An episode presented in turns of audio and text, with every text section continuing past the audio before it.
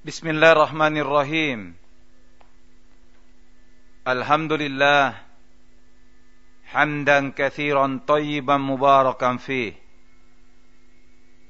كما يحب ربنا ويرضاه. وأشهد أن لا إله إلا الله وحده لا شريك له. وأشهد أن محمدا عبده ورسوله صلى الله عليه وعلى آله وسلم تسليما مزيدا. قال الله سبحانه وتعالى في كتابه العزيز يا أيها الذين آمنوا اتقوا الله حق تقاته ولا تموتن إلا وأنتم مسلمون. ثم أما بعد. فأيها الإخوة حفظكم الله Saudaraku sekalian Mudah-mudahan kita semua Selalu dalam Curahan Dan limpahan nikmat dari Allah subhanahu wa ta'ala Dan diberikan taufik Untuk bisa beribadah dengan baik dan benar Kepadanya subhanahu wa ta'ala kemudian dengan ibadah tersebut diterima oleh Allah Subhanahu wa taala sebagai amalan yang ikhlas dan kabul di sisinya Subhanahu wa taala. Allahumma amin. Walhamdulillah di malam yang kedua ini di malam yang mubarak di bulan yang mubarak yaitu bulan Ramadan kita dipertemukan dalam acara siaran radio yang kita cintai ini kita akan mendengarkan beberapa keterangan yang kita ambil dan akan kita baca. Dari kitab Bidayatus Sul fi Tafdilir Rasul sallallahu alaihi wasallama tasliman kathira yang ditulis oleh Al-Imam Al-Allamatu Al-Izzu Abdul Aziz Ibnu Abdissalam As-Sulami atau dikenal dengan sebutan Al-Izz Ibnu Abdissalam digelari oleh para ulama sebagai sultanul ulama. Saudaraku sekalian, yang kami cintai dan kami muliakan, kitab ini mengungkap dan membuka tentang keutamaan kemuliaan Rasul sallallahu alaihi wasallam sebagai nabi yang utama, sebagai rasul yang mulia.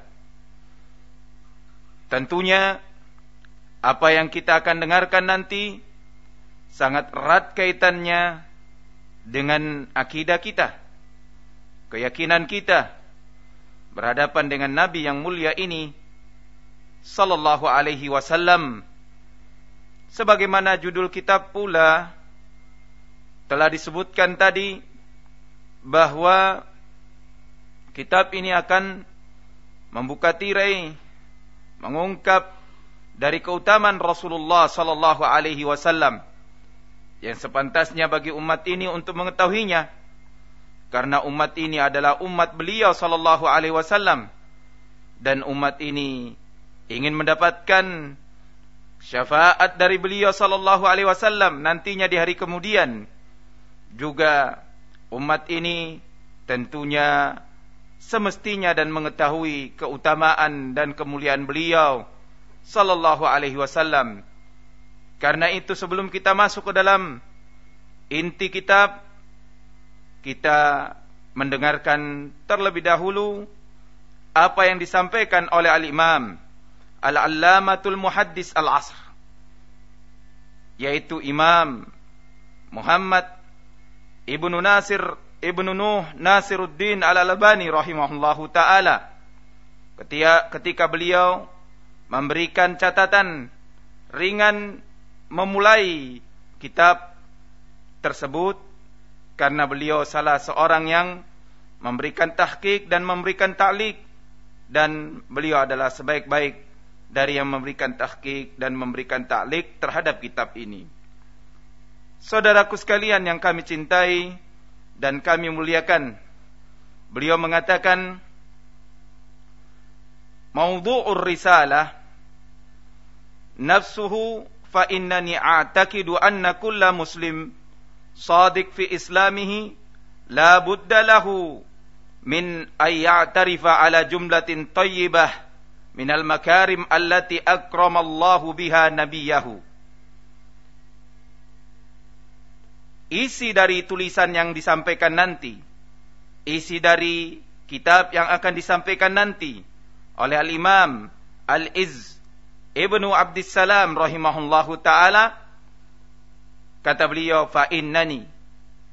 Maka saya berkeyakinan anna kulla muslim bahwa setiap seorang muslim yang benar keislamannya sadik fi islamihi saya berkeyakinan bahwa setiap muslim yang benar keislamannya la budda lahu min tarifa ala jumlatin thayyibah minal makarim allati akramallahu biha nabiyahu.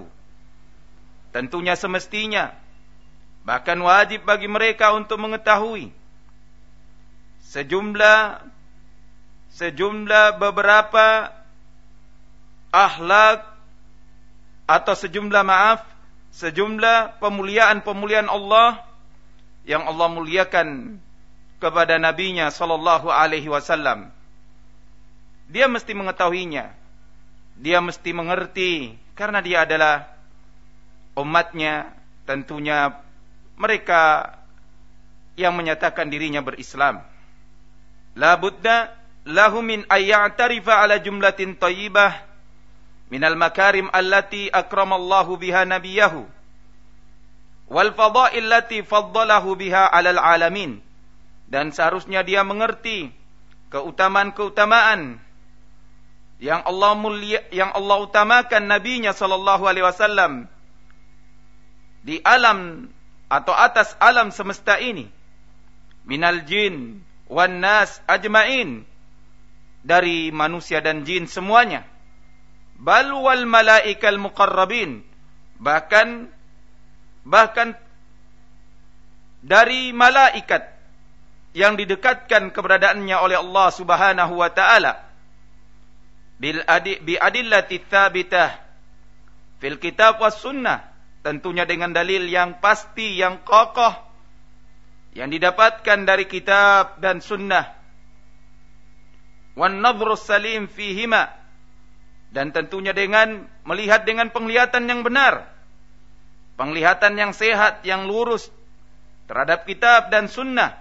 Wal istimbat minhuma. Dan tentunya pula dengan mengambil dengan pengambilan yang benar dari kitab dan sunnah tersebut. Fa inna dzalika mimma yaziduhu bila syak imana. Karena yang seperti ini ketika dia mengetahui kemuliaan yang Allah muliakan kepada nabinya sebagai seorang muslim. Ketika dia mengetahui kemuliaan yang Allah berikan kemuliaan kepada nabinya tersebut demikian keutamaan-keutamaan fa inna dzalika mimma yaziduhu bila syak imana. Tentunya ini akan menambah tidak diragukan lagi akan menambah keimanan seorang mukmin seorang muslim. Wa hubban mukhlisan lin nabi dan akan menambah kecintaannya dengan penuh setulusnya kepada Nabi Muhammad sallallahu alaihi wasallam hadzal hubbul ladzi huwa syartun asasi dan kecintaan ini merupakan kecintaan kecintaan ini merupakan syarat yang paling fondasi, paling pokok. Ayastaqir fi qalbi mu'min makrunan bi hubbillahi ta'ala. Merupakan syarat yang paling asasi, yang paling fondasi yang seharusnya ada di dalam kalbu seorang mukmin. Tentunya dengan diikat kecintaannya kepada Allah Subhanahu wa taala. Alladzi tafaddala bi irsalihi ilaina. Dan yang mana Allah Subhanahu wa taala telah memberikan karunia-Nya dan keutamaannya pengutusan Nabi yang mulia ini kepada kita semuanya. Allah Subhanahu wa taala atau am amtanna walahul minna dan dia telah memberikan anugerah kepada kita. Faqala tabaraka wa ta'ala Allah Subhanahu wa taala berfirman, "Huwallazi ba'atha fil ummiyina rasulan minhum yatlu 'alaihim ayatihi wa yuzakkihim wa yu'allimuhumul kitaba wal hikmata." wa in kanu min qablu lafi dhalalim mubin dialah Allah yang telah mengutus nabinya seorang yang ummi kepada mereka ummi yaitu dialah Allah yang telah mengutus nabinya. Dari seorang yang ummi kepada mereka yang ummi. Yaitu bangsa Arab dan manusia. Seorang rasul yang membacakan kepada mereka. Ayat-ayat Allah.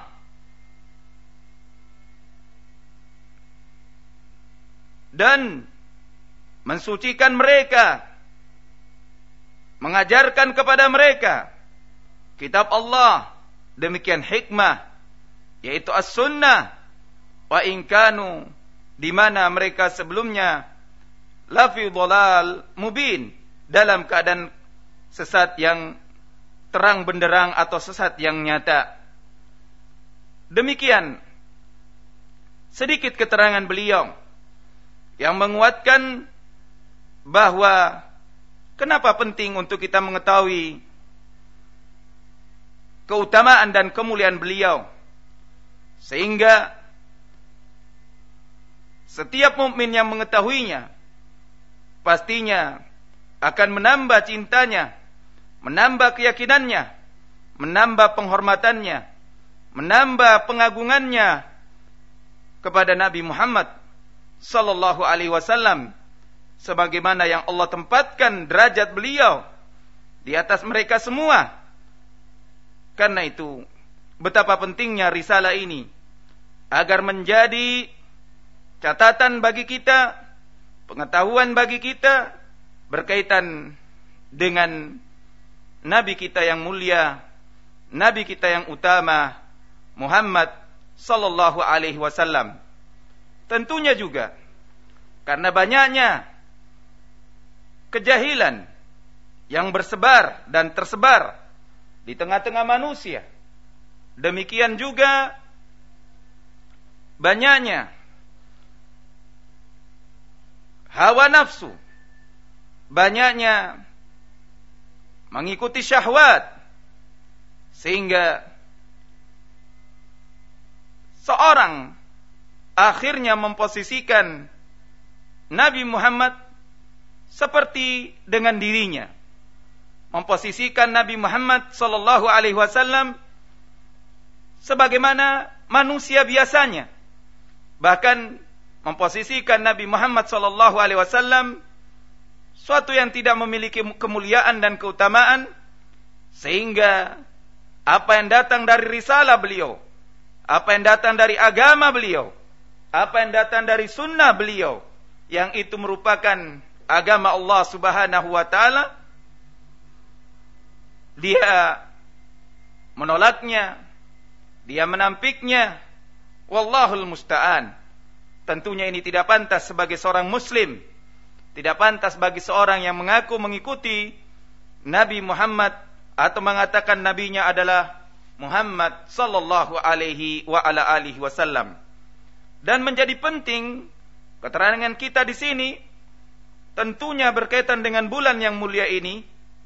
Di mana bulan yang mulia ini? Bulan yang kita mencontohi dan berkudua kepada beliau sallallahu alaihi wasallam. Dia adalah kudua kita dan contoh kita. Tidak mungkin kita bisa menegakkan Ramadan ini dengan tiba-tiba dan dengan tanpa bimbingan beliau sallallahu alaihi wasallam. Karena itu berkaitan dengan bulan Ramadan, maka mestinya seharusnya kita tahu kedudukan beliau, keutamaan beliau, sehingga terpatri di dalam kalbu kita yang paling dalam. Beliau adalah manusia yang mulia, beliau adalah manusia yang utama, yang sepantasnya kita mendahulukannya, mengedepankannya dari diri kita, sehingga apa yang datang dari petunjuk beliau, itulah yang sepantasnya kita kerjakan. Apa, apa yang datang dari bimbingan beliau, itulah yang sepantasnya kita kedepankan. Tidak, bukan, tidak dan bukan dari diri kita, dari hawa nafsu kita, dari orang-orang selain beliau, ataupun dari makhluk yang lain. Wallahu ta'ala a'lam bisawab. Mudah-mudahan dengan keterangan yang sedikit tadi, membuka kitab yang baik ini, dan mudah-mudahan dengan keterangan tersebut, menjadikan kita semua dari hamba-hamba Allah yang selalu menerima kebenaran yang datangnya dari Allah Subhanahu wa taala.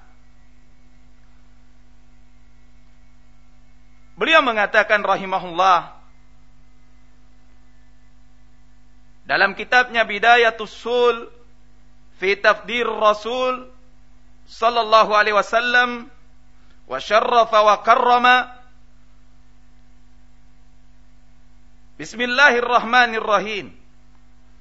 Allahumma salli ala Sayyidina Muhammad wa ala alihi wa sallama wa'ain wa yassir wa tammim. Alhamdulillahi rabbil alamin. Wa sallallahu wa sallama wa sallallahu ala sayyidil khalqi ajma'in. Muhammadin khatim an-nabiyyin wa ala alih wa sahbihi ajma'in.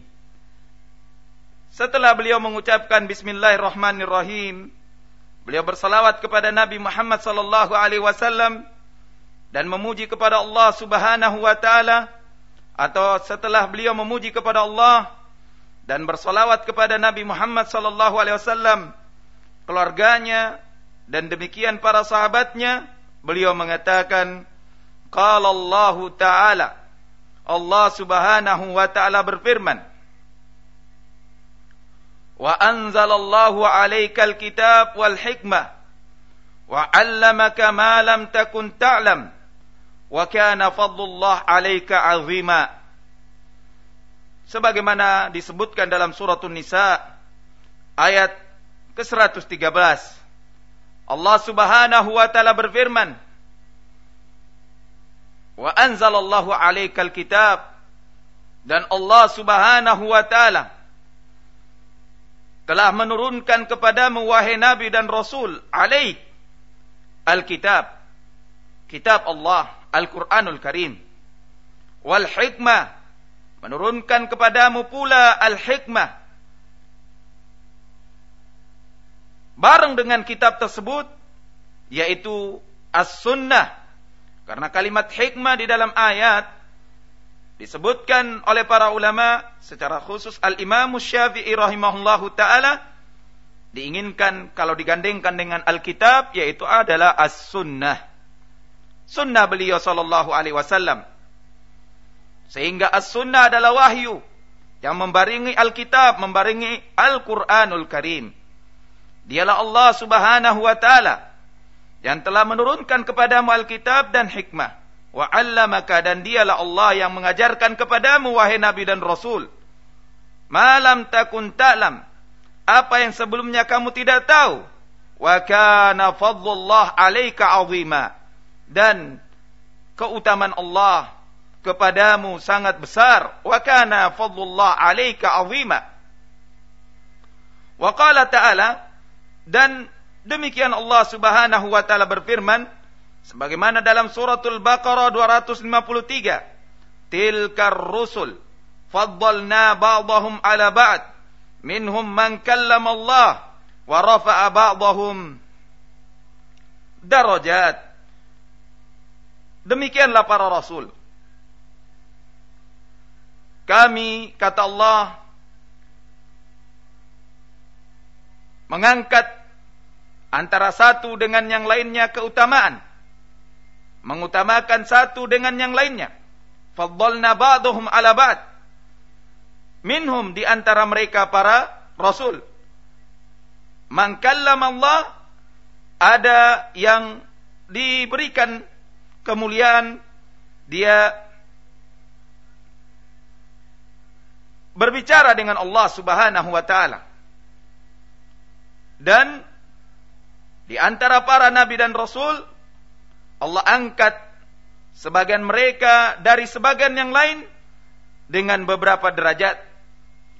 Tentunya dengan ayat ini bahwa Allah Subhanahu wa taala dengan keutamaan dan kemuliaannya dialah yang mendatangkan para nabi dan rasul tersebut dia pula yang menurunkan kepada mereka risalah.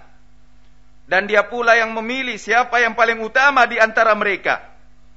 Sehingga ada di antara nabi dan rasul yang diutamakan oleh Allah dari sebagian yang lain.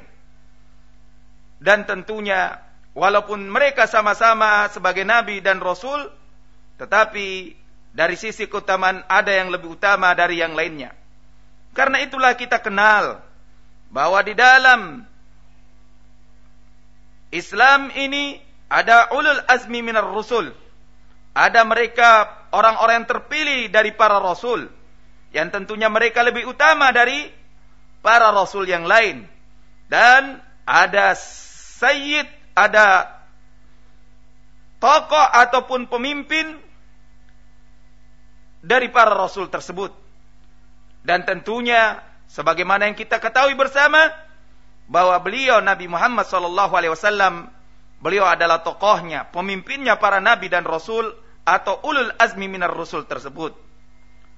Demikian aftafdil al-awwal sarih fil mufadalah wa tsani fit tad'if al-mufadalah bidarajat.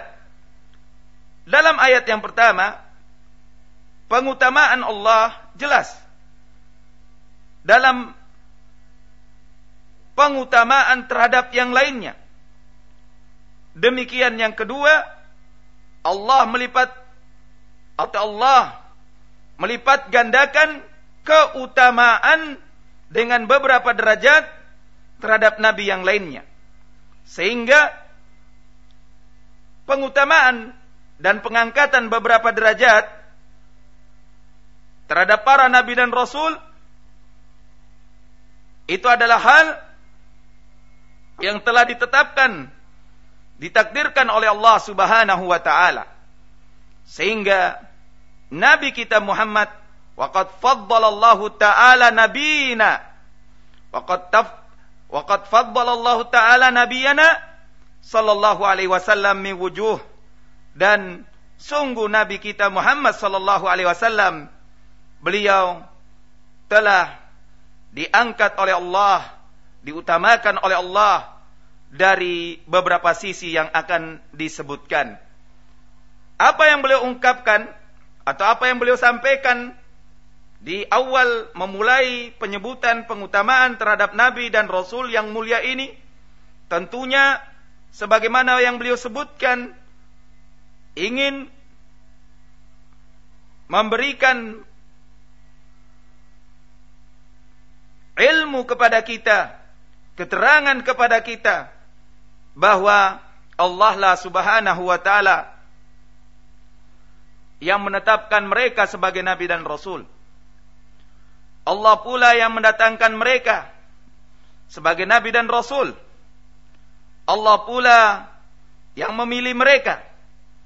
Allah pula Subhanahu wa taala yang memberikan antara satu dengan yang lainnya kelebihan dan keutamaan di antara mereka para rasul Allah pula yang memberikan beberapa derajat dari satu dengan yang lainnya.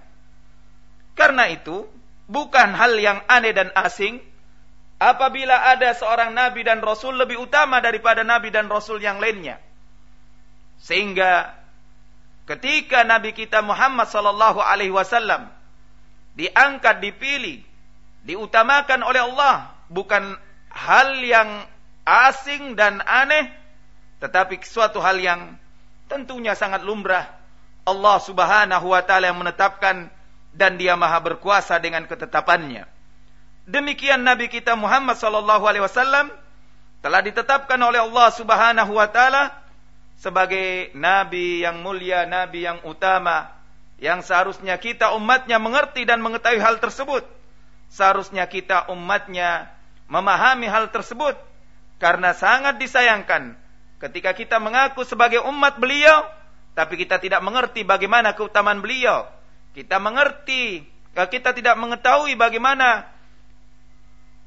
kemuliaan beliau, bagaimana kedudukan beliau, yang ini akan berimbas sebagaimana diterangkan tadi oleh Al-Imam Al-Albani rahimahullahu taala berimbas nantinya tidak ada cinta, bahkan tidak bertambah kecintaan dan pemulihan kita kepada beliau karena tidak mengertinya kita akan derajat beliau dan tentunya wal billah akan terjadi penolakan dan peremehan terhadap beliau Wallahul musta'an dan ini didapati pada sebagian manusia yang mengaku beliau adalah yang, yang mengaku mereka adalah pengikut-pengikut beliau. Demikian juga yang kita ketahui. Akhirnya pelecehan dan peremehan terhadap beliau. Ini semua ber, ber, ini semua berawal dari tidak tahunya mereka keutamaan Nabi Muhammad sallallahu alaihi wa ala alihi wasallam tidak mengertinya mereka keistimewaan Nabi Muhammad sallallahu alaihi wasallam. Sehingga ketika datang Ramadan ini yang seharusnya kita mengikuti sunnah-sunnah beliau, yang seharusnya kita mengikuti apa yang datang dari petunjuk beliau, maka terjadilah apa yang terjadi. Orang-orang atau kita dapati mereka tidak mengindahkan dan tidak mau mendengarkan dan tidak mau mengikuti bimbingan Nabi Muhammad sallallahu alaihi wasallam wallahul musta'an Saudaraku sekalian yang kami muliakan maka demikianlah yang seharusnya kita pahami tentang kedudukan beliau sallallahu alaihi wa ala alihi wasallam.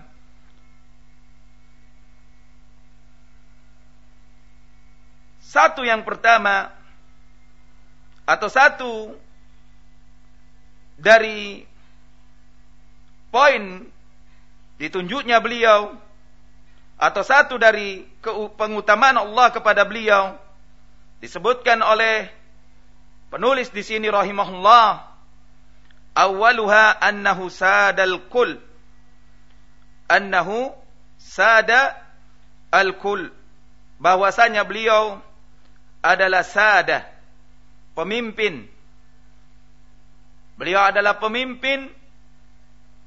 Beliau adalah tokohnya terhadap semua hamba-hamba Allah, semua makhluk. Annahu sadal kul. Qala sallallahu alaihi wasallam Sebagaimana beliau mengatakan sallallahu alaihi wasallam dalam sabdanya, "Ana sayyidu wali ana sayyidu waladi Adam wala fakhr." Saya adalah pemimpin. Saya adalah pemimpin anak cucu Adam. Saya adalah pemimpin anak cucu Adam. Wala fakhr tetapi ini bukan untuk berbangga-banggaan, bukan untuk menyombongkan di hadapan yang lainnya. Kata beliau rahimahullah, "Wasayyid man ittasafa bi sifatil al-ulyah wal akhlak as-saniyah. Dan sayyid itu siapa yang disifatkan dengannya dengan sifat-sifat yang utama. Dan akhlak yang semerbak wangi yaitu mulia. Sehingga kalau dikatakan beliau adalah sayyid maka tentunya beliau adalah orang yang memiliki sifat-sifat yang utama akhlak yang mulia akhlak yang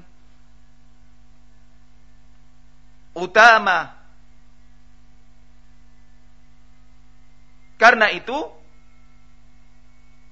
menunjukkan bahwa beliau adalah orang yang utama. Wahada mush'ir bi annahu afdalu minhum fid daraini. Dan ini diras, diketahui bahwa beliau adalah orang yang lebih utama dari mereka makhluk semuanya di dua negeri. Jadi ini memberikan petunjuk dan menjadi pengetahuan bagi kita bahwa beliau lebih utama dari mereka, dari makhluk di dua tempat. Amma fid dunya adapun di dunia falamma tasafa bihi minal akhlaq al-azimah adapun di dunia maka tak kala disifatkan dengannya akhlak yang agung. Beliau dikenal sebagai orang yang memiliki akhlak yang agung. Sebagaimana Allah memberikan rekomendasi. Sebagaimana manusia pun mendapatkannya. Wa amma fil akhirah fali annal jaza murattab alal akhlaq wal awsaf.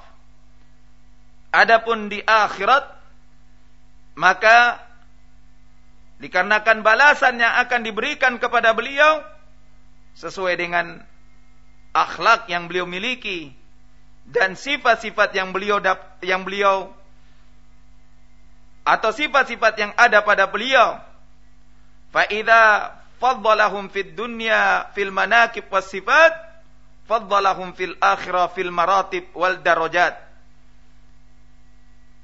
Sehingga apabila dia diutamakan daripada hamba-hamba Allah di dunia dari sisi kedudukan dan sifat, maka tentunya di akhirat dia diutamakan oleh Allah dengan kedudukan pula dan derajat yang tinggi. Demikianlah yang diinginkan. Wa inna ma qala ana sayyidu walidi waladi Adam wala fakhar li ta'rifa ummatuhu. Adapun beliau mengatakan dengan perkataan tadi, saya adalah tuan atau pemimpin anak cucu Adam dengan tidak ada maksud berbangga-banggaan dan menyombongkan tentunya hadis ini agar supaya umatnya paham Lita'rifa ummatuhu manzilatahu. Paham kedudukan beliau. Min Rabbihi Azza wa Jalla di sisi Allah Subhanahu wa taala atau agar umatnya paham kedudukan beliau yang Allah berikan kepada beliau sallallahu alaihi wasallam. Walamma kana dzikra manakibun nafs innama tadhkuru iftikharan fil ghalib sehingga tak kala penyebutan kedudukan posisi beliau maka ini menyebutkan ini menyebutkan bisa saja menjadi kebanggaan dan bisa saja menjadi kesombongan pada keumumannya. Arada sallallahu alaihi wasallam ayyaqta'a wahma man tawahhama minal jahala. Maka beliau pun menginginkan di sini memutuskan terjadinya kesalahpahaman tuduhan yang tidak benar dari orang-orang jahil. Ayyadhkura dzalika iftikharan bahwa beliau menyebutkan ini. Saya adalah anak cucu Adam. Saya adalah pemimpin anak cucu Adam. Maka beliau pun menyebutkan dalam sabda beliau faqala la fakhar. Saya menyebutkan ini bukan tujuannya untuk berbangga-banggaan bukan tujuannya untuk meremehkan atau menyombongkan diri di hadapan manusia tetapi apa yang beliau sebutkan adalah kedudukan yang benar-benar beliau dapatkan dari Allah Subhanahu wa taala, bukan mengada-ngada, bukan kedustaan dan bukan pula suatu hal yang dibuat-buat. Tetapi semuanya benar datangnya dari Allah tapi bukan untuk menyombongkan di hadapan mereka. Demikianlah akhlak beliau, demikianlah peringai beliau yang utama. Wallahu taala a'lam bisawab tetapi tentunya dengan keterangan ini kita mengambil poin yang besar bahwa beliau adalah nabi yang utama nabi yang mulia. Cukup kalau dikatakan beliau adalah tuannya pemimpinnya anak cucu Adam ini adalah kemuliaan yang utama yang diberikan oleh Allah kepada beliau. Sehingga Ketika beliau mengatakan dengan perkataannya demikian, wajib bagi seorang muslim, wajib bagi seorang mukmin untuk benar-benar menempatkan beliau dan memposisikan beliau sebagai orang yang utama. Yang pengajarannya, yang bimbingannya, yang merupakan sunnahnya atau risalah yang dia bawa semua itu datang dari orang yang utama yang Allah pilih, yang Allah angkat. Maka seorang muslim dengan penuh penerimaan dan bahkan bangga bahkan bangga dengan apa yang dia dapatkan dari keutamaan nabinya Muhammad sallallahu alaihi wasallam sebagai nabi dan rasul di sisinya wallahu taala a'lam bisawab mudah-mudahan Allah Subhanahu wa taala menjadikan kita hamba-hambanya. Menjadikan kita hamba-hambanya dari hamba-hamba yang mengikuti dan selalu berkudwa kepada beliau sehingga apa yang kita dapatkan dari bulan Ramadan yang mulia ini yang seharusnya kita mendapatkan keutamaan kita dapatkan dengan mengikuti beliau berkudwa kepada beliau Wallahu taala a'lam bisawab. Mudah-mudahan bermanfaat bagi kita semuanya. Saya mohon maaf kalau di sana ada hal-hal yang tentunya tidak tersebutkan dan kurang dalam penyebutannya. Wallahu taala a'lam bisawab. Wabillahi taufik. Kita akan lanjutkan pada pertemuan yang berikut kitab yang baik ini berkaitan tentang keutamaan dan pemuliaan Nabi Muhammad sallallahu alaihi wa ala alihi wasallam. Walhamdulillahi rabbil alamin. Subhanakallahumma bihamdika asyhadu an la ilaha illa anta astaghfiruka wa atubu ilaik. Walhamdulillahi rabbil alamin